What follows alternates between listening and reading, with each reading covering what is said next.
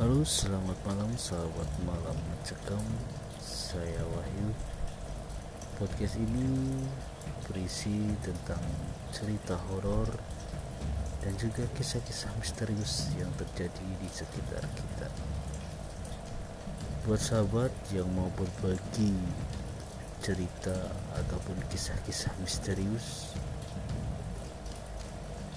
ditunggu di email kepada kami. Ditunggu selanjutnya kisah-kisah misterius dari malam mencekam. Terima kasih.